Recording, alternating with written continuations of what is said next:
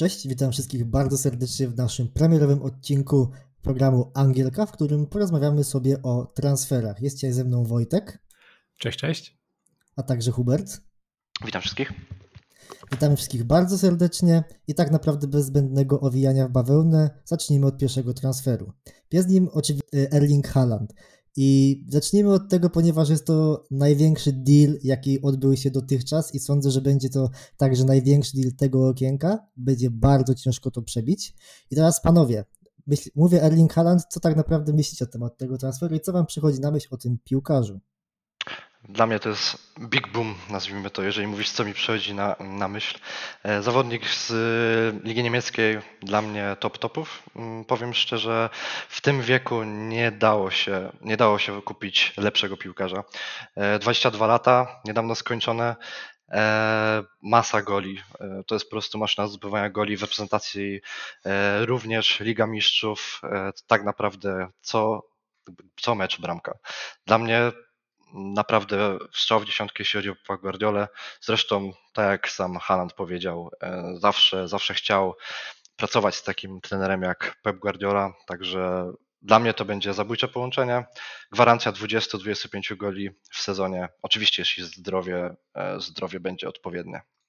Okej, okay, no dla mnie, jeżeli chodzi z perspektywy jakby kibica e, Premier League, tutaj oczywiście giga transfer, mega medialna bomba i, i, mega się z tego cieszę. Mam tylko nadzieję, że, że nie będzie jak z e, bombą e, Havertza czy Wernera w Chelsea i że, że jednak faktycznie wiedzie i zdobędzie tą ligę jak, jak prawdziwy napastnik.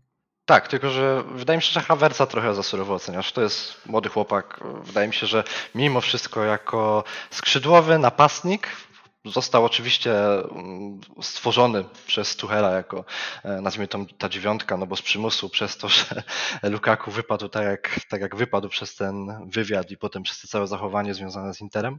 E, ale wydaje mi się, że Havertz ogólnie, przynajmniej dla mnie, jako e, kibica Premier wypadł całkiem, całkiem dobrze. Tak, tutaj właśnie fajna dyskusja się rozwinęła, ponieważ tutaj Kai Havertz, no, pamiętam jego pierwszy mecz w koszulce Chelsea i to słynne e, dośrodkowanie na drugą stronę boiska na trybuny, więc tak naprawdę początek miał bardzo ciężki Kai Havertz, ale myślę, że bramka w finale Ligi Mistrzów, czy całokształt, jaki dotychczas prezentuje, no pokazał, że był wart tych pieniędzy i tak jak wspomniałeś Hubert, jest to ciągle młody chłopak, który ma jeszcze bardzo dużo przed sobą. Znaczy, ja się trochę z wami zgodzę, a trochę nie.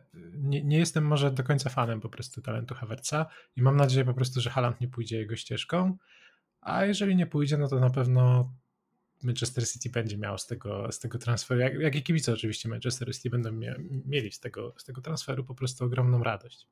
Tak, dokładnie. Tutaj tak jeszcze tylko dopowiadając temat Halanda, no jest to potwór do zdobywania bramek. Tak naprawdę no ładuje mega dużo bramek, co bardzo dobrze widzieliśmy, czy to w Lidze Mistrzów, czy w Lidze Niemieckiej. Kwestia tylko przełożenia się i jego kontuzyjności, nazwijmy to w ten sposób, ponieważ jak wiemy, on w niemieckiej Bundeslidze czasami wypadał i zobaczymy, jak poradzi sobie w starciu z angielskimi obrońcami. Niemniej jednak moim zdaniem, tak jak tutaj wspomnieliście, jest to bomba transferowa, jest to tak naprawdę, jeśli możemy powiedzieć, brakujący element, no bo City de facto zdobyło tego mistrza, ale wydaje mi się, że ta przepaść pomiędzy City, Liverpoolem i resztą stawki, no tylko wzrośnie. Ale nie tylko Halanda udało się pozyskać Manchesterowi City dotychczas. Yy, mamy tutaj także drugi transfer, który jest na pewno interesujący, ponieważ piłkarz Calvin Phillips, bo o nim mowa, ma tak naprawdę mieszane uczucia. I panowie, co myślicie w ogóle na temat tego transferu, bo niewiele się o tym mówiło a tutaj tak nagle wpadło na nas, że pomocnik defensywny z Leeds przechodzi za 48 milionów. Tak, szczególnie Manchester City przyzwyczaił mnie, jak pewnie wszystkich, do tego, że jeżeli oni kogoś chcą, tego po prostu ściągają i za bardzo, za bardzo się o tym nie zastanawiają. Tak właśnie poszło z Calvinem Phillipsem. Eee, to już nie jest taki młody zawodnik. Jest doświadczony, ma 27 lat. Eee, Anglik. Mogliśmy go widzieć praktycznie w każdym meczu Mistrzostw Europy. Eee, zagrał całkiem przyzwoity turniej, aczkolwiek ja nie jestem do niego przekonany. Dla mnie, e, dla mnie ten zawodnik jest trochę drewniany, nazwijmy to, mimo swojego e, niskiego wzrostu, ale e, wydaje mi się, że popełnia masę błędów, mimo, mimo to, że grał w Leeds, czyli zespole, który naprawdę bardzo, bardzo zaciekla, do ostatniej kolejki walczył o utrzymanie. nie wiem, może to być, może to być według mnie mm, taki problem i dziura w, w składzie Manchester City, chociaż oczywiście wydaje mi się, że jest on ściągany jako zastępstwo za e, Rodriego, który ewentualnie mógłby, mógłby gdzieś tam e, coś sobie zrobić, jakąś kontuzję. E, w każdym razie transfer 27 lat, jest to jego pierwszy transfer przede wszystkim w karierze, to też wiele mówi o tym zawodniku. W wieku 27 lat, późno, ale zobaczymy jak się rozwinie. Widocznie Guardiola ma na niego jakiś pomysł. No, musi mieć na niego jakiś pomysł, bo w ogóle zastanawia mnie też kwota transferu. Jest dosyć wysoka, jak w sumie za zawodnika w tym wieku i na tej pozycji. A waszym zdaniem w ogóle to, ta pozycja w Manchester City faktycznie wymagała takiego wzmocnienia? Ja myślę, że tutaj jest to taki replacement jeden do jeden za Fernandinho, no bo jak wiemy Fernandinho odchodzi i, i tutaj robi się dziura, ale tak jak tutaj Hubert wspomniał, wydaje mi się, że to nie jest raczej zawodnik do pierwszego garnituru, e, raczej właśnie tutaj pomoc Rodriemu, ewentualnie jakaś pauza czy kontuzja ze strony Hiszpana i wskakuje Calvin Phillips, ale tutaj właśnie tak jak Hubert też wspomniał, czy jestem fanem tego piłkarza? Ciężko to powiedzieć, ponieważ ograł tak raczej, no nie jest to najprzyjemniejsza pozycja przede wszystkim i też na pewno nie zachwycamy się grą takiego piłkarza jak Calvin Phillips, ale w Leeds pokazał, że, że potrafi grać i, i wydaje mi się, że też Guardiola nie ściągałby piłkarza, na którego nie miałby pomysłu i, i jakby nie wiedział, co z nim zrobić. Tak, oczywiście, oczywiście, że tak. E, tak jak powiedziałeś, mm, zobaczymy jak to się rozwinie. E, Guardiola musi mieć na jego jakiś, musi mieć na jego, jakiś pomysł, znowu się powtórzę. E, tylko pamiętajmy, to jest zawodnik, który nadal w wieku 27 lat zagrał tylko i wyłącznie 49 spotkań w Premier League. Szczelił tylko jedną bramkę, zaliczył tylko trzy asysty. Oczywiście to jest dalej pomocnik defensywny, ale większość swojej kariery zagrał na zagrał w Championship, tam oczywiście trochę więcej goli, ale też aż 163 spotkania. No, może został ściągnięty głównie za obywatelstwo. Nie wiem, tak szczerze mówiąc. No, jakby wydaje mi się, że City mogło zrobić lepszy ruch transferowy. Ale z tego, co się orientuję, to chyba nie jest jedyne wzmocnienie, jeżeli chodzi o tył. A Manchester City też ściągnął bramkarza, prawda? Zgadza się Wojtek, jest to Stefan Ortega, jest to bramkarz ściągnięty za darmo. E, myślę, że to jest typowy replacement za Edersona. Wiadomo, tutaj Ederson będzie pierwszym bramkarzem bez wątpienia w większości meczy. Na, na, temat tego piłkarza tak naprawdę ciężko coś, coś wypowiedzieć. Grał wcześniej w Armenii Bielefeld, czyli w drugiej Bundeslidze, trafia do Premier League, do City, więc no tutaj tak naprawdę myślę, tak jak powiedziałem, jest to replacement i może przejdźmy teraz tak płynnie Kogo widzicie w Manchester City? Może tak zadam pytanie. Kogo, jak myślicie, kto by tam i się jeszcze przydał do tego i tak już potężnego składu? Znaczy się, no oczywiście mówi się cały czas o Marku Kukurelle z Brighton Hove Albion, e, zawodnik, który tak naprawdę ciężko mu jest e, ustać gdzieś w jednym miejscu, w jednym klubie. E, tak naprawdę w przeciągu dwóch lat e, dwa kluby i teraz najprawdopodobniej trzeci rok i trzeci klub. E, wcześniej oczywiście Brighton, tak jak wspomniałem, a jeszcze wcześniej Getafe, wychowanek Barcelony. Bardzo, bardzo dobrze grający zawodnik, lewo obrońca, głównie ofensywny, to też bardzo pasuje do taktyki Guardioli, gdzie ci lew, lewi obrońcy lub prawi schodzą do środka, tworząc jakby taki czte, pięcio, e, pięcioramienną, pięcioramienny atak, atak, nazwijmy to. Tak samo grał Walker zresztą, tak samo grał Zichczenko, który, e, który swoją drogą odejdzie i właśnie za niego Mark Kukurela ma wejść do zespołu. Tak, dokładnie Hubert i, i myślę, że teraz może taki przepraszam, sprzedam last minute update. Tutaj też przeczytałem dosłownie przed chwilą, że Rahim Sterling dogadał się już w końcu, zaakceptował warunki od Chelsea, więc no moim zdaniem ciekawy ruch. E, ciekawy ruch. Można powiedzieć, myślę śmiało, że jest to osłabienie Manchesteru City, ponieważ Sterling obok Messiego i Aguero był jedynym piłkarzem, który pod skrzydłami Guardioli przebił tą barierę 100 bramek. I teraz tak jeszcze spinając, tutaj puentując ten cały Manchester City, co się wokół nich działo, myślę, że tutaj tak naprawdę wszystkie inne transfery nie będą miały wielkiego tak, takiego rozgłosu przy tym, co się stało z Halandem. E, więc pozostaje nam tylko czekać, aż zobaczymy Norwega na boiskach Premier League. I teraz płynnie przechodząc panowie do drugiej siły, a tak naprawdę można powiedzieć po pierwszej, no bo ostatnie sezony tych dwóch klubów to, to jest walka dosłownie na, na różnicę kilku punktów. E, Liverpool.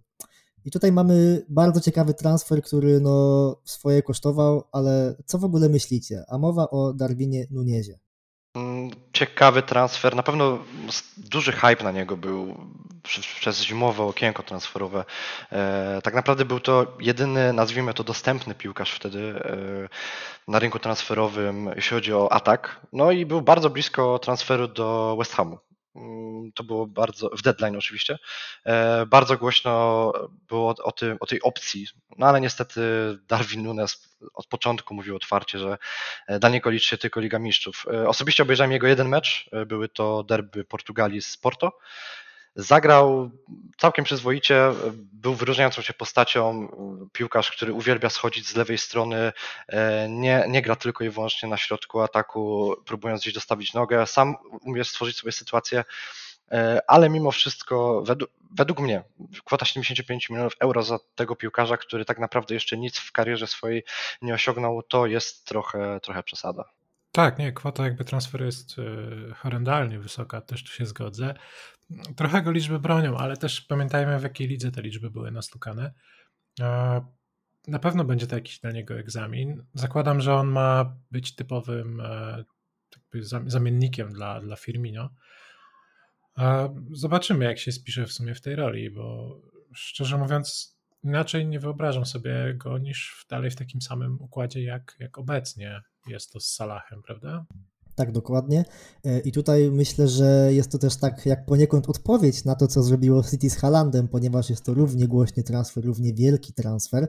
Ja miałem okazję oglądać tego piłkarza w bezpośrednim starciu Benfiki z Liverpoolem. No i on tam fajnie grał. Też przeczytałem o nim fajne zdanie, że jest to połączenie Cavaniego z Suarezem.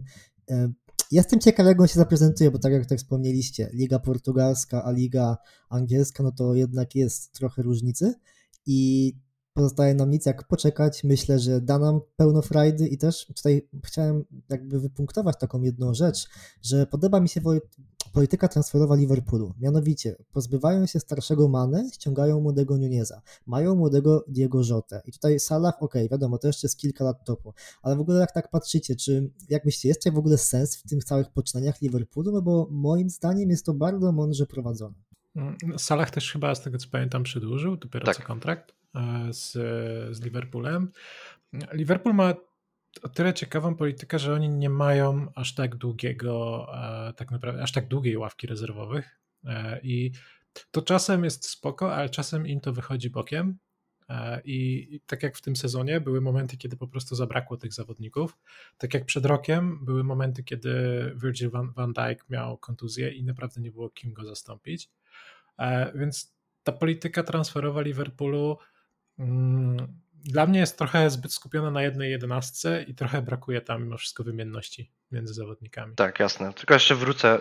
Nunes na pewno nie jest odpowiedzią na Manę. E, tu bym się nie zgodził, ponieważ mm, wydaje mi się, że to jest bardziej odpowiedź na to, że Diogo Jota nie sprawdza się jako środkowy napastnik. E, Diogo Jota będzie grał tak jak grał Wolves zapewne na lewej stronie. E, dlatego jest to bardziej odpowiedź na to, że Firmino nie spełniał już e, pokładanych nadziei w Liverpoolu, to też bardzo mało minut w zeszłym sezonie i po prostu Nunes wejdzie nam e, jako ta fałszywa dziewiątka numer jeden, i wokół niego będzie budowany skład oczywiście Salahem na prawej stronie, no i lewa strona będzie walka między Diazem i między Diazem oczywiście Diogo Jotą. Innej opcji mm, dla mnie nie ma. Tak, dokładnie, tutaj się z Tobą zgodzę, Hubert. Y, jeszcze tak właśnie pointując, no nie mogę się oczekać, bo jest to na pewno ciekawy transfer, młody zawodnik. Myślę, że myślę, że on się sprawdzi. Na pewno potrzeba czasu, ale myślę, że on się sprawdzi w tej lidze i naprawdę da nam fan oglądając go. Mm, a tak jeszcze będąc w temacie Liverpoolu, tutaj także warto wspomnieć, że ściągnęli dwóch kolejnych piłkarzy i są nimi Fabio Carvalho za 6 milionów, a także Calvin Ramsey, czyli prawy obrońca za 5 milionów. I tutaj tak naprawdę po raz kolejny no jest, jest sytuacja trochę analogiczna, ponieważ mówi się o przede wszystkim przedłużeniu kontraktu Salaha i mówi się także o Nuniezie, ale Fabio Carvalho, jak myślicie, jest to ciekawy transfer, no bo 6 milionów, więc tak naprawdę ofensywny pomocnik, yy, młody chłopak, 2002 rok to jest data jego urodzenia i co o nim w ogóle myślicie? Ci powiem szczerze, ja praktycznie nie widziałem ani jednego y, meczu tego chłopaka. Gość gra w y, Fulham, grał rzeczywiście jest zawodnikiem, e, zawodnikiem Liverpoolu. E, statystyki całkiem dobre, 36 meczów rozegranych, 10 bramek, 8 asyst. E, Czy mogło być lepiej? Na pewno mogło być lepiej. E, oczywiście z tego co widzę, nie grał we wszystkich spotkaniach, bo jak dobrze wiemy, w Championship mamy ich ponad 40, także trochę musiał tutaj odpocząć. Zobaczymy. Ja powiem szczerze, dużo więcej o nim nie powiem. Trzymam kciuki za e, młode talenty, które rozwijają się w Premier League. Miejmy nadzieję, że, e, że, że będziemy go po prostu widywać chociażby, na, chociażby w pucharach, bądź też na jakieś ostatnie minuty. No tak, Portugalczyk jest stosunkowo też młodym piłkarzem, więc myślę, że tutaj mm, to może być dobry ruch e, w karierze dla niego. A no, rozwój pod Jurgenem Kloppem na pewno jest, e, jest czymś, czego wielu piłkarzy w tym wieku by sobie życzyło. Także dla niego ruch dobry, dla Liverpoolu zobaczymy. No, tak jak wspomniałeś, Hubert, no, liczby tutaj nie są najgorsze, ale też no, trudno powiedzieć. Tak, jeszcze właśnie coś chciałem powiedzieć, to jest 6 milionów, więc tak naprawdę przy obecnych realiach, gdzie piłkarzy kupuje się za 100 i więcej, to nawet jeżeli się nie sprawdzi, to no tak. Prze przejdzie to bokiem, nie? Nikt się nawet nie zorientuje, że ktoś taki był. Zobaczymy, na pewno dla niego fajna sprawa grać Jurgena Kloppa jako taki młody chłopak. E, I myślę, że tutaj tak naprawdę zostawimy Liverpool, bo mało się o nich mówi, żeby ktokolwiek tam jeszcze miał przyjść. Przejawiał się Marco Asensio, ale nie były to jakieś rzetelne źródła i ja myślę, że ciężko powiedzieć, żeby jeszcze kogoś ściągnęli i z tego też miejsca chciałbym płynnie przejść do Arsenalu i tutaj myślę Hubert, że ty chciałbyś się wypowiedzieć na temat Arsenalu. Czyli e, zgrabnie wyjeżdżamy z portu zwanego Liga Mistrzów. Ok, więc tak. E, największy transfer Arsenalu, no to to jest oczywista oczywistość. E, Gabriel Jesus. Ogromny transfer za prawie 53 miliony euro według mnie dosyć sporo jak na gracza, który, e, któremu został tylko jeden rok kontraktu. E, nadal mimo wszystko młody, 25 lat, a już doświadczony, wygrał, e, wygrał kilka mistrzostw z Manchesterem City, rozgościł się także w kadrze Brazylii, bo to jest aż 56 występów w tak młodym wieku. Według mnie transfer Transfer jest takim sprawdzianem Gabriela Jesusa, ponieważ w Manchester City nigdy tak naprawdę nie przewidział tego pierwszego garnituru, może z wyjątkiem tego sezonu, gdzie Sergio Aguero miał tą feralną kontuzję i tak długo go nie było. Wtedy oczywiście Pep Guardiola nie miał wyjścia, musiał stawiać na Brazylijczyka.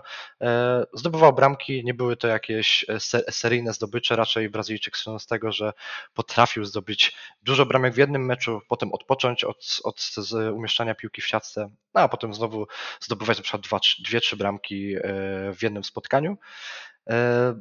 To, to jeśli chodzi o mnie. Ja, ja, jestem, ja jestem fanem tego piłkarza jest szybki, dobry technicznie i tak naprawdę jedyny jego mankament to jest skuteczność. No i oczywiście jakoś tylko napastnik powinien, powinien to być jego e, największy atut. No ale zobaczymy, jak Mikel Arteta, jaki Mikel Arteta będzie na jego pomysł. Ja tutaj też chciałem tylko dodać, że jestem fanem tego transferu, powiem szczerze, ponieważ Jesus tak naprawdę w City on nie był tą gwiazdą numer jeden. On był cieniem trochę Aguero, teraz będzie na pewno gwiazdą numer jeden i też wymiana Lacazeta, który no mimo wszystko nie sprawdził się moim, w moich oczach w Arsenalu. Eee, no Jesus wchodzi na głęboką wodę, Trochę tak, trochę nie. Zostaje w tej samej lidze, jest ograny, więc jak dla mnie jest to naprawdę dobry deal Arsenalu. No tutaj jakby nie ma wątpliwości, że jest to dobry ruch dla Arsenalu i chyba też bardzo dobry ruch dla samego piłkarza. A szczerze mówiąc, nie do końca wyobrażałem sobie go w Chelsea, z którym też go łączono. E, jest to dosyć niski napastnik, a w Chelsea tacy raczej się nie sprawdzają. W sumie ci wysocy też się nie sprawdzają. E, ale generalnie, co do. Widzę, że chcesz coś tutaj powiedzieć, e, Krystianie, proszę. Tak, tak, wiesz, po prostu zaśmiałem się, że napastnicy i Chelsea, ponieważ e, ja w ogóle swoją drogą, że do tego jeszcze przejdziemy, ale gdyby Ronaldo jakimkolwiek cudem trafił do Chelsea, ja bym mu dał dziewiątkę. Jeżeli on by przestał strzelać, to ten numer należy zastrzec i koniec to już zostaje tylko Messi. Tak, tak, dokładnie, ale kontynuuj. E, tak, także no generalnie jakby e, do, do, brzegu idąc, no ja mam wątpliwości, czy, czy, to, czy, czy ten transfer się sprawdzi e, w Arsenalu, ale na pewno jest to dobry ruch. No, nie było chyba innego napastnika do wyciągnięcia o takim profilu na ten moment do, do Arsenalu, który by chciał gra, nie grać jakby w Lidze Mistrzów, bo to też trzeba podkreślić niestety, że Arsenal w tym roku się nie załapał. Także no, to też na pewno utrudniło ściągnięcie jakiegoś takiego światowej klasy napastnika. Tak, tak. No, ja też uważam, że Jesus nie był pierwszym wyborem Artety mimo wszystko. Wiadomo, że Arsenal bił się e, bardzo mocno w zimę o Duszana Wlachowicza, który koniec końców trafił do Juventusu, no ale jak on stwierdził, jego agent nie przekazywał mu informacji odnośnie Arsenalu. E, dziwna historia, ale myślę, że temat. Od, odrzucał połączenia. Tak, odrzucał połączenia. Stwierdził, że jednak e, lubi hymn Champions League, a niekoniecznie melodyjkę z Ligi Europy. Chociaż wtedy nawet Ligi Europy nie było, tak swoją drogą. No niestety tutaj właśnie Liga Mistrzów jest na pewno swego rodzaju magnesem, um, ale idąc dalej, drugi piłkarz, Fabio Vieira, 35 milionów. I tutaj chciałem też powiedzieć, że Arsenal jak dla mnie bardzo prężnie działa, no bo jest tam ostatni lata, to Arsenal trochę był taki powiedzmy wstrzemięźliwy w tych transferach, nie wszystkie były dopinane, ja tak kojarzę Arsenal, że te transfery nie były tak wcześnie, przed rozpoczęciem okienka jeszcze doklepywane i tutaj Hubert jako taki powiedzmy najbardziej obyty w temacie Arsenalu. Fabio Vieira, co o tym myślisz? Bo powiem szczerze, 35 milionów młody chłopak, 22 lata z FC Porto, jak dla mnie może być top, może być fajnie, ale no ciężko tak naprawdę wyrokować. Mm, a się Fabio Vieira z tego co wiemy, to jest wynalazek e, Mikel Artety. On go bardzo chciał. E, nie było tutaj nikogo innego, e, który pchał tak mocno ten transfer do przodu jak Mikel. Także on wie, czego chce. To według, według mnie dosyć zaskakująca sytuacja. Według, według mnie to dosyć mocno zaskakująca sytuacja, ponieważ Fabio Romano, Fabricio Romano, przepraszam, e, wrzucił, wrzucił ten tekst o Fabio Wiejrze w 20 minut e, od pierwszej plotki do e, Here We Go. To był chyba jakiś rekord, także musiało to naprawdę być bardzo dobrze trzymane w tajemnicy i to też właśnie charakteryzuje aktualny Arsenal. Z czasem, kiedy Mikel Arteta wszedł do, do klubu, te transfery tak naprawdę są bardzo kryte. Oczywiście nie wszystkie, bo Gabriel Jesus e, był na tabloidach od początku, ale pozostałe transfery, które e, zostały zrobione, były bardzo dobrze szczerzone i nie wychodziły na światło dzienne. E, Fabio Vieira, co ja o nim sądzę? Widziałem go, tak jak mówię, raz w akcji, właśnie ten sam mecz co Darwin Nunes z Porto. Nie był wyróżniającą się postacią, przyznam, ale jest to chłopak, który głównie wchodził z ławki rezerwowych w lidze portugalskiej i udało mu się być e, zdobywcą największej ilości asyst w całej lidze. Zdobył ich 14. To świadczy o tym, jak bardzo jest kreatywny. E, kolejna kwestia jest też taka, że on na pewno nie przychodzi po to, żeby grać w pierwszym składzie. To jest ewidentnie z, e, ewentualny zmiennik Martina Odegarda, jeżeli coś by się stało. Gość będzie na pewno szykowany na grę na dziesiątce, chociaż też nie tylko, ponieważ oglądałem bardzo fajny film o Fabio Wieże i analizie E, jak on gra, e, jak zagrywa piłkę. Jest to zawodnik, który bardzo dużo zagrywa ze skrzydła. Czyli może tu też być pomysł na ewentualne zastąpienie Nicolasa Pepe, który najprawdopodobniej odejdzie na wypożyczenie z uwagi na jego wysoką tygodniówkę. E, wydaje mi się, że to może, to może pójść w tym kierunku. Z tego co wiem, grywał też na środku pomocy. Zresztą odchodząc od tego tematu, jest to zawodnik, który rozegrał mecze w FC Porto w poprzednim sezonie na pięciu różnych pozycjach. Grywał nawet na lewej obronie. Także to już dużo mówi o tym, o tym piłkarzu. No to bez wątpienia Arsenal kupił sobie gościa, który można gdzieś tam dostosować, tak, w razie potrzeby, a jak wiemy sezon długi i szeroki, więc być może i będzie grywał na boku obrony w Arsenalu. No i także jeszcze dopowiemy sobie o dwóch kolejnych transferach. Jest to Matt Turner, jest to bramkarz, a także Marquinhos, prawy skrzydłowy, młody chłopak, był urodzony w 2003 roku. Kolejny Brazylijczyk swoją drogą, ta ekipa Brazylijczyków w składzie Arsenalu rośnie w siłę, można powiedzieć. Tak, e, no, e, Arsenal ma już trzech Gabrieli z Brazylii. Jest to Gabriel Jesus, Gabriel, e, hmm. Gabriel środkowy obrońca, jak i również Gabriel Martinelli, czyli, czyli stolica Gabrielów. M mogą obsadzić trochę skład. tak.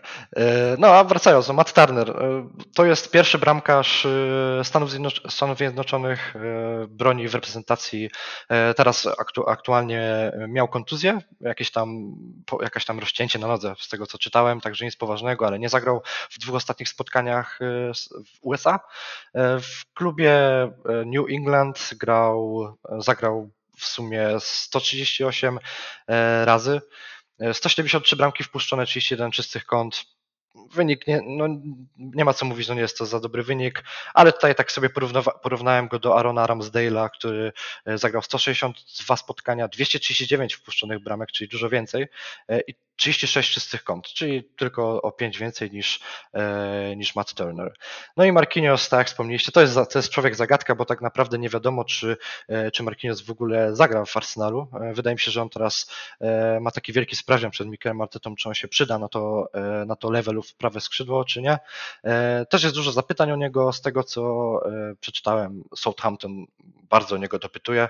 E, I też jeszcze na koniec o tym piłkarzu dodam, że piłkarz ten był dogadany z Wolves i to był tak dogadany, że miał już podpisaną wstępną umowę i zdecydował się ją zerwać i przejść do Arsenalu, to też bardzo głośno mówi się o tym, że może to mieć konsekwencje prawne dla Arsenalu, Arsenalu i ewentualną, e, ewentualny ban na transfery w przyszłości, także też trzeba się bacznie przyglądać tej sytuacji, jak ona się rozwinie. Tutaj myślę, że z Chelsea się dogadają, Chelsea sobie w miarę poradziła z banem transferowym, także pozostając w temacie... Po, po, powiedzmy, że sobie poradziła. Nie było tak źle, jak mogło być, prawda? Także tutaj w razie czego Hubert, wiesz, telefon do, do Boleja, Tomasa Tuchela i, i ogarnął chłopaki. No, Bolej ale... chyba jeszcze nie. Jeszcze nie miał tego. Wtedy jeszcze wspaniały Romano, Imperium Romano. Wtedy jeszcze Imperium Romanum, ale tutaj może to było jakieś tipy sprzeda, na pewno jakieś tam papiery zostały, ale pozostając w temacie, e, w, tak naprawdę w klimacie Londynu, chciałbym przejść tak płynnie do Chelsea. Chelsea i, i tutaj można to tak naprawdę podsumować wszystko i nic. Mianowicie wymienia się już naprawdę tonę różnych nazwisk, które mają trafić do Chelsea i w obronie to już naprawdę są coraz to ciekawsze informacje, a tak naprawdę nie mamy nikogo poza jednym transferem, o którym chciałbym porozmawiać. Jest to oczywiście Romelu Lukaku. I co o tym dealu myślicie? W końcu, końcu. W końcu. Ja przyznam szczerze, że e, uważam, że to jest chyba obecnie najlepszy ruch transferowy ze strony Chelsea E, no, piłkarz o fatalnym mentalu, o totalnym braku jakby e, szacunku do klubu i uważam, że ruch był po prostu najlepszym, co, co mogło spotkać Chelsea. I ja osobiście się bardzo z tego cieszę. Żałuję, że ta kwota wypożyczenia jest tak niska i, i mam nadzieję, że Inter go wykupi jak najszybciej, żeby po prostu zakończyć tą, no, tą nieciekawą historię. Ja nie wiem, powiem szczerze, czy, czy nie przesadzę, ale uważam, że to jest najgorszy transfer do Premier League w historii tej ligi i nie wiem, czy jest coś gorszego, co się wydarzyło, powiem szczerze. Na pewno jeden z gorszych, e... to, to, to ci muszę przyznać, bo chyba ciężko naprawdę wskazać kogoś, kto aż tak fatalnie się zachował, bo to nawet nie chodzi o umiejętności piłkarskie, ale typowo właśnie o to, jak, z jakim szacunkiem się, że tak powiem, odnosił do, do klubu i do kolegów z szatni. Trochę dziwię się też Chelsea, e, z tego względu, że od początku było bardzo głośno o tym, że Lukaku nie chce odchodzić z Interu e, i Inter chce się go pozbyć tylko dlatego, żeby załatać swoje dziury finansowe. E, Lukaku mówił otwarcie, że on kocha Inter, że kocha tutaj mieszkać, że chciałby tutaj być i wydawanie 100 milionów na gracza, który głośno oświadcza, że nie chce zmieniać swojego otoczenia, że chce grać w Interze, bo kocha tu być. E, czy to w ogóle miało jakikolwiek sens? Czy nie lepiej było rozejść się za kimś innym, a wtedy za niecałe 20 chyba, czy tam 30 milionów więcej mogli mieć Halanda? I to jest Tutaj właśnie tak, tak zgodzę się z wami. Jest na pewno jeden z gorszych transferów niestety dla Chelsea. E, gość z mentalem, który no po prostu to nie powinno się wydarzyć, niestety się wydarzyło. Tak jak wspomniałeś, ściągnęli go, nie wiemy czy to była decyzja stricte Tomasa Tuchela, czy wtedy to jeszcze nie był transfer kogoś z zarządu i po prostu został on ściągnięty, na pewno wiecie.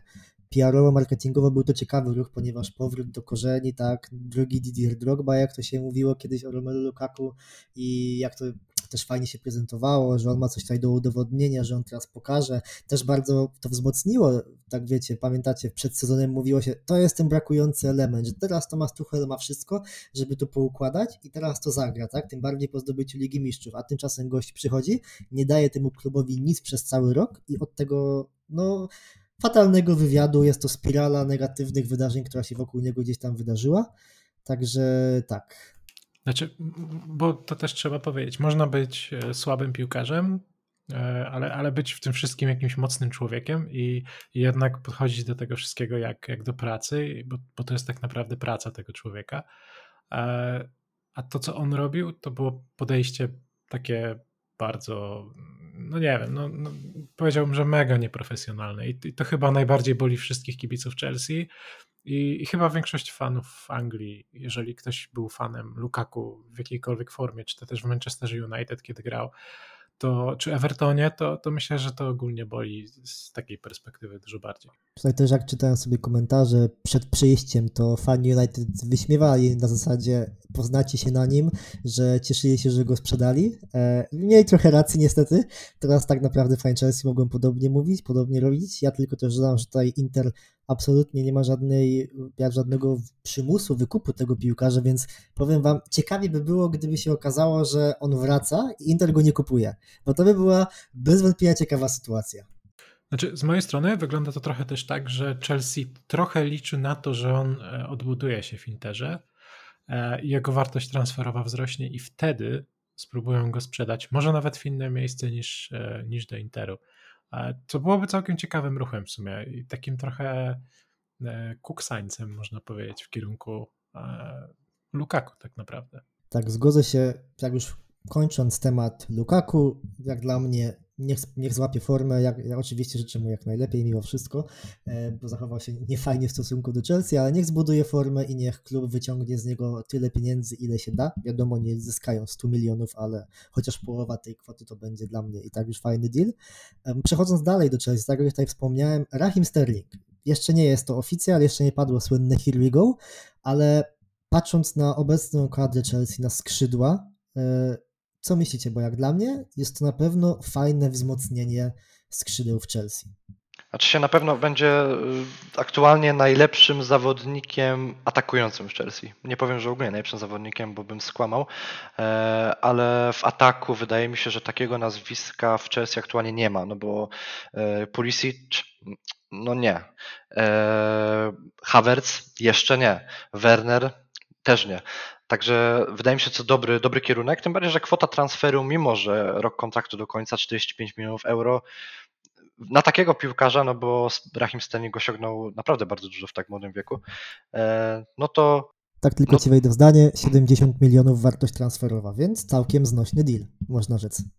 E, myślę, że tak, myślę, że tak. Myślę, że Rahim, e, Rahim odda, mówiąc, odda to i zyskają na tym, chociaż pamiętajmy, że to też jest zawodnik, który ma swoje mankamenty, ma swoje braki, które musi, e, musi nadrabiać szybkością, driblingiem, no bo wydaje mi się, że mimo wszystko skuteczność to jest jakiś tam jego, jego mankament. Wiadomo, wy teraz powiecie pewnie, że dużo bramek, dużo bramek, dużo bramek, tak.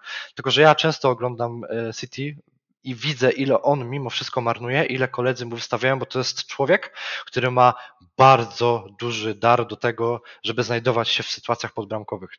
Nie wiem, czy jest cokolwiek w Anglii, kto ma e, taki, taki magnes, że ciągnie do niego ta piłka i on w tym polu karnym potrafi, potrafi operować, potrafi operować i strzelić, ale nie zawsze w bramkę niestety.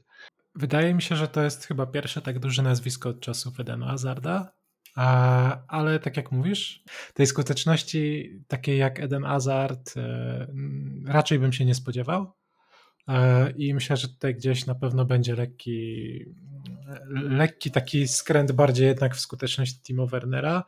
Może trochę, trochę lepiej będzie mu jednak szło i, i będzie to takie, może nie będą to aż takie spektakularne pudła, może tak. Ja myślę, że tak jak tutaj Hubert wspomniał, Rahim odda i czekam na tego piłkarza. Mm, ciekawe, czy zostanie odda, siódemeczkę, czy Engolo Kante. Myślę, że z oddaniem siódemeczki Kante nie, nie będzie problemu. E, ale jeszcze zostając w temacie Chelsea, panowie. Obrona. No, od, odchodzi Christiansen za darmo, odchodzi Rudiger i tutaj no, z bólem serca na to patrzę, ponieważ sankcje i to wszystko, to cała sytuacja trochę no, zepsuło to wszystko. Rudiger, top obrońca, nie bójmy się tego powiedzieć, jest to top obrońca na świecie I tak naprawdę zostaje Thiago Silva, który jest już po prostu wiekowy. On całego sezonu nie przegra tak jak grał dotychczas. Zostaje młody Szalobach, zostaje Malang Sar, więc no, nie są to nazwiska, które, no nie oszukujmy się, w takim wielkim klubie jak Chelsea, nie są to nazwiska, które będą pierwszym wyborem poza Thiago Silva oczywiście. I teraz jest wiele plotek. Matthias Delight, Jules Kunde, chociaż teraz mówi się, że Delight jest tak naprawdę priorytetem Chelsea, więc kogo widzicie, jak na to się zapatrujecie? Ja myślę, że Holender byłby dobrym wyborem. E, młody zawodnik przede wszystkim, e, dobrze grający głową, fizyczny. E, Serie A, gdzie zawodnicy z Serie A często bardzo dobrze sprawdzają się w Premier League. Oczywiście, oczywiście nie, nie mówimy tutaj o Lukaku, ale wydaje mi się, że to będzie, to będzie dobry, to będzie, to będzie dobry pik dla Chelsea. Kunde ja cały czas patrzę na tego Kundę przez pryzmat jego wzrostu. 1,78 m piłkarz środek obrony e, przy też nie tak bardzo wysokim e, Silwie. Nie wiem, powiem szczerze, no, nie wiem. Pro, prosi, się, prosi się o opuszczenie po prostu łatwej bramki nie? E, w jakimś stałym fragmencie gry. Tego się nie da ukryć. Obrona Chelsea obecnie to jest no, kiepski żart, tak naprawdę. No powiedzmy sobie to szczerze. Wygląda to słabo na papierze i wygląda to słabo na boisku jak przypominam sobie kuriozalny mecz z Arsenalem 4 do Chciałem o tym powiedzieć. E, w którym po prostu piłka odbijała się jak e, na jakimś e, w jakiejś grze, w jakimś kasynie i totalnie wyglądało to tragicznie. Biorąc pod uwagę, że teraz nie ma jeszcze Rudigera, to, to naprawdę strach po prostu pomyśleć, co się będzie działo e, w starciu za chwilę z takimi napastnikami jak Haaland, czy, e, czy z takimi ofensywami jak e, Liverpool, jeżeli ta obrona nie zostanie wzmocniona. Znaczy- co do transferów, przepraszam, co do transferów, o których wspominałeś, Krystian, no tutaj ja, ja bym tam brał obu, bo tak naprawdę obrona Chelsea obecnie nawet nie ma zbytnio zmienników. Także trzeba wzmocnić bardzo mocno ją. No tylko chciałem właśnie dodać, że tam to był taki trailer, nazwijmy to tego, co by było, gdyby Chelsea nie wzmocniło w tym okienku transferu obrony. To właśnie był ten mecz Arsenalem.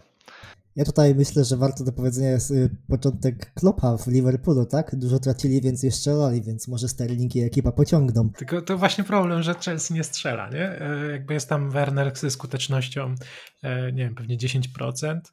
E, Havertz, który też strzela jak, jak jak, jak strzeli, to strzeli. Kapitan Ameryka, który, no, umówmy się. Mamy też Zjecha, który praktycznie ciągle jest kontuzjowany. E, Hudsona Odoi, który również nie gra. Tam jakby, no i mieliśmy to teraz Lukaku, tak, który liczbami nie zachwycał, więc ten, ten przód nie, nie, nie uciągał tak naprawdę. Tak. No i jest już jedną drogą w Milanie, przepraszam. Że... Tak, tutaj warto dodać, że on już tak, jest tak. dogadany. Mm, ja tylko jeszcze wam dopowiem, bo też naprawdę już czytając te wszystkie pogłoski o Chelsea, oczywiście jest tutaj Delight i tutaj pojawił się Bayern w tym powiedzmy wyścigu i bardzo go kuszą, jednak no Bayern nie zapłaci tyle pieniędzy z Chelsea, więc tutaj fajnie by było, gdyby on trafił do Premier League, do Chelsea, bo jest to młody piłkarz, który obok Thiago Silva na pewno stworzyliby fajny duet, ale jeszcze powiem wam tylko, jakie nazwiska pojawiały się, ponieważ był to Kalidu Kulibali. E, powiedzmy sobie, 3 lata za późno, bo 3 lata temu top, bierzmy, teraz trochę już późno. E, pojawił się nawet Prestel Kimbembe z PSG i tutaj też, e, jak napisałem komentarz na jednej z grup w Facebooku, jak będzie miał kartę jak w FIFA na żywo, to ja bym brał, bo jak wiadomo Kimbembe w FIFA to zawidzona karta. E, tak, szybki zawodnik.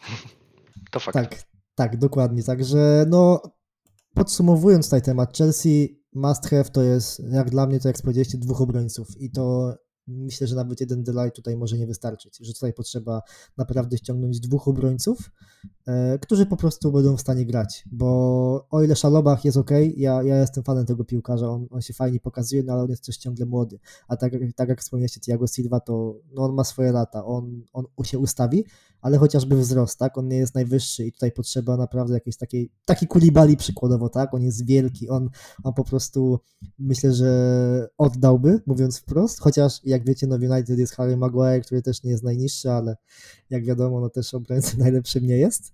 Mm, się tylko tak dopowiem, mm, wraca Gallagher, Myślę, że to ciekawe wzmocnienie mimo wszystko. Czy zostanie, to się okaże. Ja bym bardzo chciał go zobaczyć. Wraca Billy Gilmour, też z wypożyczenia i tak naprawdę Chelsea ma no w środku pola szeroką, bardzo szeroką ławkę, bo też jest Jorginho i tutaj mówiło się o przedłużeniu kontraktu i chciałem się zatrzymać przy Jorginho, ponieważ jest to piłkarz, który ma y, mieszane uczucia i jak dla mnie zostało mu rok kontraktu, ja sprzedałbym. A co wy o tym myślicie? E, od razu sprzedać. Ja nie jestem fanem talentu tego piłkarza. Zupełnie mnie nie kupił od początku, odkąd to jest. Już e, przy ustawieniach nawet za Mauricio Sariego nie byłem jego fanem. E, cały czas mam gdzieś w, w głowie to, co się działo w, podczas jego strzałów w rzutach karnych i, i, ten zawał za każdym razem, kiedy ta piłka ledwo się toczy do bramki. Także sprzedać i po prostu ściągnąć kogoś porządnego na tą pozycję. Cieszy mnie, że wracają ci, ci młodzi piłkarze, którzy, którzy mają fajny talent e, i, i zobaczymy, jak to będzie dalej szło. Super, dokładnie. Myślę, że, że Chelsea sobie jakoś poradzi. De facto no, są obok Liverpoolu i, i Manchester City, no, można powiedzieć, że trzecią najmocniejszą ekipą na chwilę obecną i Gdyby nie te wszystkie problemy, może byłoby lepiej, no ale zobaczymy, jak się to wszystko potoczy. Ale zostając w temacie Londynu, przejdźmy sobie płynnie do kolejnego zespołu, czyli do Tottenhamu. I tutaj tak naprawdę, no, można powiedzieć, że Tottenham idzie ostro, ściągają, ściągają i jeszcze raz ściągają tych piłkarzy. Antonio Conte dostaje co chce. I teraz mm, zacznijmy sobie chyba od najgłośniejszego transferu, jaki dokonali w ostatnim czasie, czyli Richarlison. I tutaj ja może taki wstęp zrobię, jak dla mnie, delikatnie przehypowany piłkarz. Delikatnie to chyba mało powiedziane. Czy dla mnie to jest gość, który ma bardzo, bardzo gorącą głowę. Był gwiazdą dwóch swoich poprzednich zespołów, Watford, e, potem Everton. Liczby tak naprawdę nie zachwycają. Gość w Premier League wystąpił 172 razy, zdobył 48 bramek. Grał głównie na środku ataku, też na lewym skrzydle. E, czasami ktoś mu wturował tą dwójką, e, dwójką napastników. Ja powiem szczerze, wydaje mi się, że 58 milionów euro za kogoś takiego to jest to są to dużo, dużo za dużo, dużo za dużo, po prostu.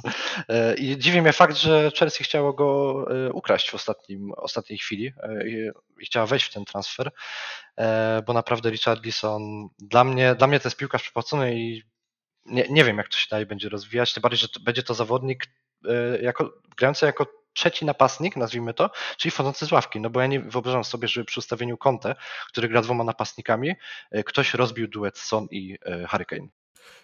Ja, ja, myślę, że to będzie bardziej zmiennik faktycznie, a tak jak wspomniałeś Hubert, że tutaj raczej spodziewałbym się go wchodzącego z ławki na zmęczonego rywala, e, ale tu jakby słowo w słowo mogę się z tobą zgodzić. No totalnie jakby przestrzał finansowy moim zdaniem chłop nie jest wart tego, ile, ile Tottenham za niego zapłacił, ale też wiem, że mm, to, co, czego sobie zazwyczaj życzy Antonio Conte, potrafi nagle wypalić i, i to ten człowiek jest dobrym po prostu trenerem i możliwe, że on dotrze do tego gracza i tak jak z Diego Costą e, z Marcos trochę Alonso. takiego łobuza, tak, ale Diego Costa to był też trochę taki łobuz e, z boiska, e, potrafił go jednak na sezon usadzić tak, że nie zdobył żółtej kartki przez ileś meczy tam z rzędu w ogóle gdzie wcześniej to było po prostu coś standardowego w jego zachowaniu.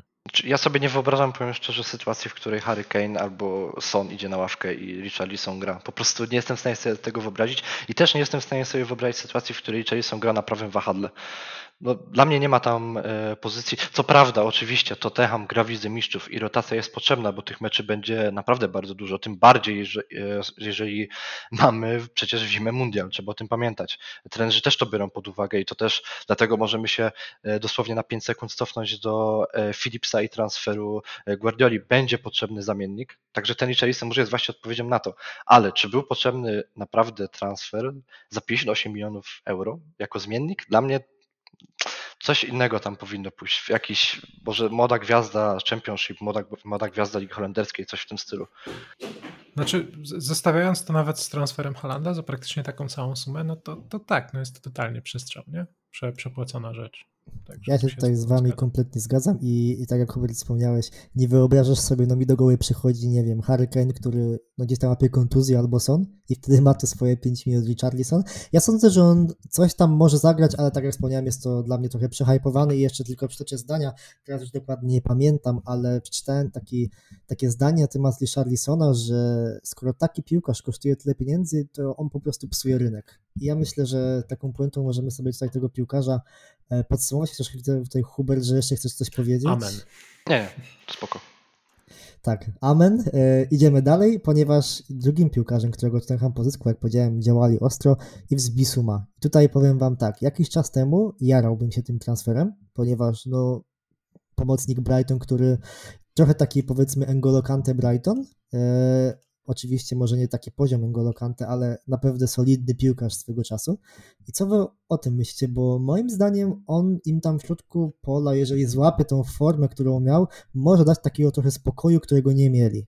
Się na pewno będzie dobrym dodatkiem i doda dużo, dużo konkurencji w środku pola e, do tak naprawdę osamotnionego e, Husbierga, który tak naprawdę sam biegał w defensywie, w defensyw, jako defensywny pomocnik w poprzednim sezonie. E, zawodnik, który zagrał bardzo, ale to naprawdę bardzo dobry sezon dwa lata temu. W zeszłym roku zapewne przez te problemy, które tam miał z policją i jego zatrzymaniem z, z różnymi podejrzeniami, e, mu to nie pomogło psychicznie. E, odpadł tak naprawdę cały, mu cały sezon przygotowawczy i początek e, Premier League. Także no zobaczymy. Ja jestem, ja mimo wszystko jestem dobry. Myślę, że to jest ich najlepszy transfer dotychczas. Tak, na pewno jest to ciekawy transfer. Jeszcze tak, że tutaj dopowiemy, Tottenham ściągnął Perisicia za darmo z Interu i tutaj jest to marka, na pewno jest to duża marka, ale chłopak, który nigdy nie grał w Premier League, już też trochę wiekowy, ale myślę, że, że całkiem tutaj może fajnie się pokazać, ale oby nie łapał kontuzji. Tutaj widzę, Wojtek, że też chcesz coś dodać. Wiesz co, ten transfer dla Tottenhamu jest naprawdę spoko pod kątem tego, że był po prostu darmowy.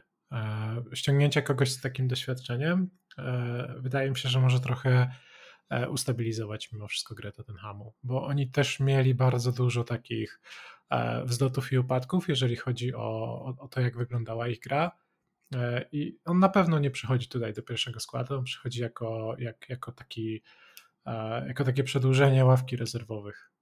A że za darmo i, i z doświadczeniem, to myślę, że świetnie trafili. Tak, tutaj także jeszcze za darmo przyszedł Fraser Foster, czyli bramkarz i no, bo oczywiście nie jest to pierwszy wybór, Hugo Lloris dalej będzie bronić. Z plotek, które pojawiają się wokół Tottenhamu, gdzieś tam ciągle mówi się o Spensie. Jest to prawy obrońca, młody piłkarz urodzony w 2000 roku, e, obecnie grający w Middlesbrough, e, więc obyty w Anglii. Ale czy to się sprawdzi, tak naprawdę zobaczymy. E, I tutaj zostawiając już Londyn, przechodząc trochę dalej, przenosimy się do Manchesteru, czyli tak jak zaczęliśmy Manchesterem, skończymy Manchesterem. E, i United. I teraz może powiem tak. Poczynania transferowe United dotychczas bardzo często są gdzieś tam wyśmiewane przez internautów, e, że niewiele się dzieje, że ten klub jakby nie wiecie, nie, nie, podpisuje piłkarzy. Mm, owszem, przyszedł Tyler Malasia, jest to prawy obrońca, mm, przepraszam, lewy wahadłowy, e, tylko jest to piłkarz, który jest to młody piłkarz i tak jak o co, o co mi chodzi? Kiedyś United ściągało, wiecie, top piłkarzy, to, to był klub, dla którego każdy chciał grać, a dzisiaj tak naprawdę no, trochę się to zmieniło i, i, i co wy o tym myślicie? Znaczy to jest ten sam problem, który miał Arsenal, e, jak tylko przestał grać cyklicznie w Lidze Mistrzów. W pewnym momencie, jeżeli klub przestaje być atrakcyjny pod względem e, piłkarskim dla zawodników, musi, zacząć, musi zmienić politykę, politykę, politykę przepraszam, transferową i zacząć e, robić zupełnie coś innego, czyli ściągać zawodników, którzy są młodzi, perspektywiczni, mogą zrobić różnicę e, za rok, za dwa. E, zrobić po prostu gwiazdy, tak jak na przykład Chelsea robiło kiedyś, co zrobiło z e, Azardem. Przecież to też był zawodnik, który był uważany za e, bardzo dobrego piłkarza we Francji, ale on nie był światową gwiazdą, jaką stał się w klubie z Londynu. Teraz Manchester musi zrobić dokładnie to samo, bo zaczynają pewien proces, po raz kolejny oczywiście, bo to jest któryś z kolei ten, który zaczyna, ale dla piłkarza zawsze dobrze jest przyjść w momencie, kiedy jest nowy trener. Dlaczego? Dlatego, że każdy ma e, czystą kartę. E, zawodnik, o którym wspomniałeś, e, Malaccia, który przyszedł z PSV Eindhoven z ligi holenderskiej, obejrzałem kilka jego, kilka jego akcji, Ciekawy zawodnik, wydaje mi się, że trochę gorąca głowa, no ale oczywiście to też pewnie ze względu na wiek, będzie musiał e, się pewnie trochę podszkolić, no ale ten hak e, zapewne go zna do, bardzo dobrze z ligi holenderskiej, także wydaje mi się, że coś, e, coś nie coś potrafi. No ale wydaje mi się, że United i tak odpali jeszcze w tym, w tym oknie i ściągnie jakieś na pewno mocne nazwisko. Jeżeli nie będzie to De Jong, to będzie to ktoś inny, o którym nawet jeszcze nie mówimy. Mm, ja się z Tobą zgadzam. Znaczy, Manchester ma też drugi taki podstawowy problem, poza tym, że wypada z tej Ligi Mistrzów, że sporo klubów, na przykład z Hiszpanii, traktuje, czy, czy z Włoch, traktuje ich jak traktuje Manchester United, jak, jak trochę jak taki bankomat. E, I, I wiedzą, że tak naprawdę te kwoty transferów mogą być wywindowane, bo Manchester United na te transfery stać e, i, i stąd te horrendalne niejednokrotnie kwoty transferów, co potem też trochę psuje rynek transferowy. Ten transfer za 15 milionów uważam, że dla nich będzie całkiem dobry. Przychodzi piłkarz w sumie, który, który wzmocni obronę, on jest też wahadłowym z tego co pamiętam. E, I no pytanie, jakby jakim ustawieniem w ogóle będzie grał Manchester United? Co się zmieni po, po, po zmianie trenera? E, ja jestem ciekaw tego projektu. Na pewno mm, też mają ten sam problem co Arsenal w tym momencie. Jednak ten brak Ligi Mistrzów będzie im utrudniał, może im nawet utrudnić w sumie ściągnięcie De Jonga czy, e, czy jakiegoś bardziej znanego nazwiska. Znaczy jeszcze tutaj e, szybko wtrącę, sytuacja z De Jongiem jest dla mnie bardzo bliźniaczą sytuacją do tej, która miała miejsce rok temu z, Lukak, z, z Romelu. Ach, ten nieszczęsny Jong, Lukaku. Tak, no ale taka jest prawda, bo De Jong też otwarcie mówi, że on nie chce się nigdzie ruszać z Barcelony. E, Barcelona chce go wypchnąć, dlatego że ma ogromną tygodniówkę i mogą na nim zarobić około 85 do 100 milionów euro, e, co pozwoliłoby ściągnąć innych zawodników, takich jak Lewandowski czy Rafinha. E, no i w tym jest problem. Ja już bym jeszcze tego De Jonga na miejscu United odpuścił, ucząc się na błędach Chelsea. Wszyscy muszą się uczyć na błędach Chelsea. Ja myślę, że wiecie, takim sztandarowym prezentacją w PowerPoincie powinien być Lukaku na pierwszym slajdzie, jak nie robić transferów. I to, to takie podsumowanie. Dokładnie. E, jak tego nie robić I, i zdjęcie Lukaku idącego do Chelsea po raz drugi, bo za pierwszym razem mogło to być fajne, ale za drugim razem już nie. Mm, tutaj tak, Hubert, Frankie de Jong jest to never ending story, gdzie kluby się dogadały, można tak powiedzieć, a kontrakt nie, no bo Frankie po prostu nie chce i szczerze ja mu się nie dziwię, że on nie chce iść do United zamieniać. Chociaż Barcelona, pomimo tego, że jest w dołku, to mi się wydaje, że wciąż jest większą marką od United. E, tutaj widzę, Hubert, wyrywasz się do... Barcelona zawsze będzie, czy znaczy zawsze będzie większą e, marką od United. Może to jest trochę kontrowersyjne, ale Barcelona mimo swoich problemów dalej jest jakby tym, tą stolicą piłki nożnej, możemy się z tym kłócić lub, lub nie, ale każdy, każdy wie, że Barcelona to, to ogromny klub mimo tego wszystkiego, co się wokół nich teraz dzieje. E, nawet, nawet coś, zobaczmy, co się z nimi stało. Mieli problemy. Każdy już mówił, że środek tabeli Ligi Hiszpańskiej, a nagle wyskoczył z kapelusza Pedri i Gavi. I nagle środek, środek pomocy został obstawiony i uratowany tak naprawdę. Sezon skończony na F-top 4 w Lidze Mistrzów, także e, to jest super, ale e, już kończąc, bo już mamy trochę tego, tej, tej, naszej gadki za sobą, chciałbym skończyć piłkarzem, który najbardziej chyba zasługuje na to, żeby e, skończyć na nim temat. Jest to transfer Christiana Eriksena do Manchester United. A ja pomyślałem o innym Christianie, można powiedzieć, ale jakby tak, kontynuuj. A, tak, Christian Eriksen, który no jakby kocha go cały świat. Wiadomo, co się stało na, e, na mistrzostwach. Bardzo, bardzo przykra sytuacja. Nagle wraca do Brentford i okazuje się, że ten piłkarz dalej jest genialny, mimo tego, że gra z aparaturą w sercu, e, z rozrusznikiem, dalej jest bardzo dobrym piłkarzem i dalej biją się niego największe kluby w Europie. No i stwierdził, że podpisze kontrakt w Manchester United 3 lata, długo, bo to 30-letni już piłkarz, E, do 33 roku e, życia będzie tam grał najprawdopodobniej. E, według mnie na razie oczywiście będzie to najlepszy, jeden z najlepszych transferów Premier League, mimo wszystko. Może to być kontrowersyjne, ale uważam, że koło Halanda, Jesusa na ten moment i Sterlinga oczywiście, na ten moment będzie to top, na pewno w top 5 transferów, które zostaną przeprowadzone. Ja się zgodzę. Eriksen to jest marka i on to udowodnił nieraz, także na pewno jest to wzmocnienie. I tutaj tak naprawdę właśnie kończąc już Manchester, e, panowie, proste pytanie. Cristiano Ronaldo. Odejdzie czy zostanie? Odejdzie czy zostanie? Moim zdaniem powinien odejść z Manchesteru. Bardzo duża część gry jest też, e, też w Manchesterze prowadzona typowo na niego i pod niego. Wydaje mi się, że nowy trener mm, raczej nie będzie chciał grać w ten sposób. Raczej będzie chciał pchać swoją wizję i swoich jakichś młodszych zawodników może, żeby zbudować tą markę na nowo. E, I, wydaje mi się, że nie ma tam do końca miejsca dla, dla Cristiano Ronaldo. Umówmy się, raczej to jest jak z doświadczonym pracownikiem w IT, nie będzie narzekał na brak ofert. pewnie gdzieś mu już majaczą powoli Stany Zjednoczone. Mówi się o Chelsea, słuchaj. I mówi się też o Chelsea, mówi się też o, o kilku innych klubach. E, ja osobiście w Chelsea chciałbym go zobaczyć. Chciałbym go zobaczyć w innym klubie w Anglii e, niż Manchester United, jeszcze zanim odejdzie na piłkarską emeryturę. Ale zobaczymy. E, mam nadzieję, że mu się to, że, jakby, że będzie tak, tak, jak on chce. Problemem jest pensja. Niestety w Manchesterze zarabiał ponad pół miliona na, e, na tydzień. Teraz oczywiście ta pensja spadła z uwagi na klauzulę, która się aktywowała e, minus 25% e, z uwagi na brak awansu United do Champions League. No i to też właśnie dlatego między innymi Cristiano Ronaldo chce odejść. Ale ja powiem szczerze, nie wyobrażam sobie Cristiano, który nie gra w Lidze Mistrzów. Także ja bardzo trzymam kciuki za to, żeby znalazł gdzieś swoje miejsce, może trochę zmniejszył swoje wymagania. Ja bym bardzo chętnie zobaczył go mimo wszystko w Bayernie, w Chelsea też. Byleby zagrał w tej Lidze Mistrzów i dawał nam e, kolejne świetne gole. On się sprawdzi tak naprawdę wszędzie, bo to jest taki uniwersalny piłkarz. Tylko ja, ja mam zawsze obawy, że zwłaszcza pod kątem Chelsea, że, że Chelsea zachciałaby się budować, może jeszcze pod niego, nie daj Boże, a, a jednak widziałbym go bardziej w roli takiego zmiennika, kogoś, kto wchodzi i po prostu ładuje bramę. Nie wyobrażam sobie Ronaldo jako zmiennika, sorry. No, ja, ja bym chciał, tak, nie? Bo, bo jakby ten jego talent, tak, tak, tak. e, No, no wszyscy widzieliśmy bramki, jakie potrafi zdobywać Portugalczyk.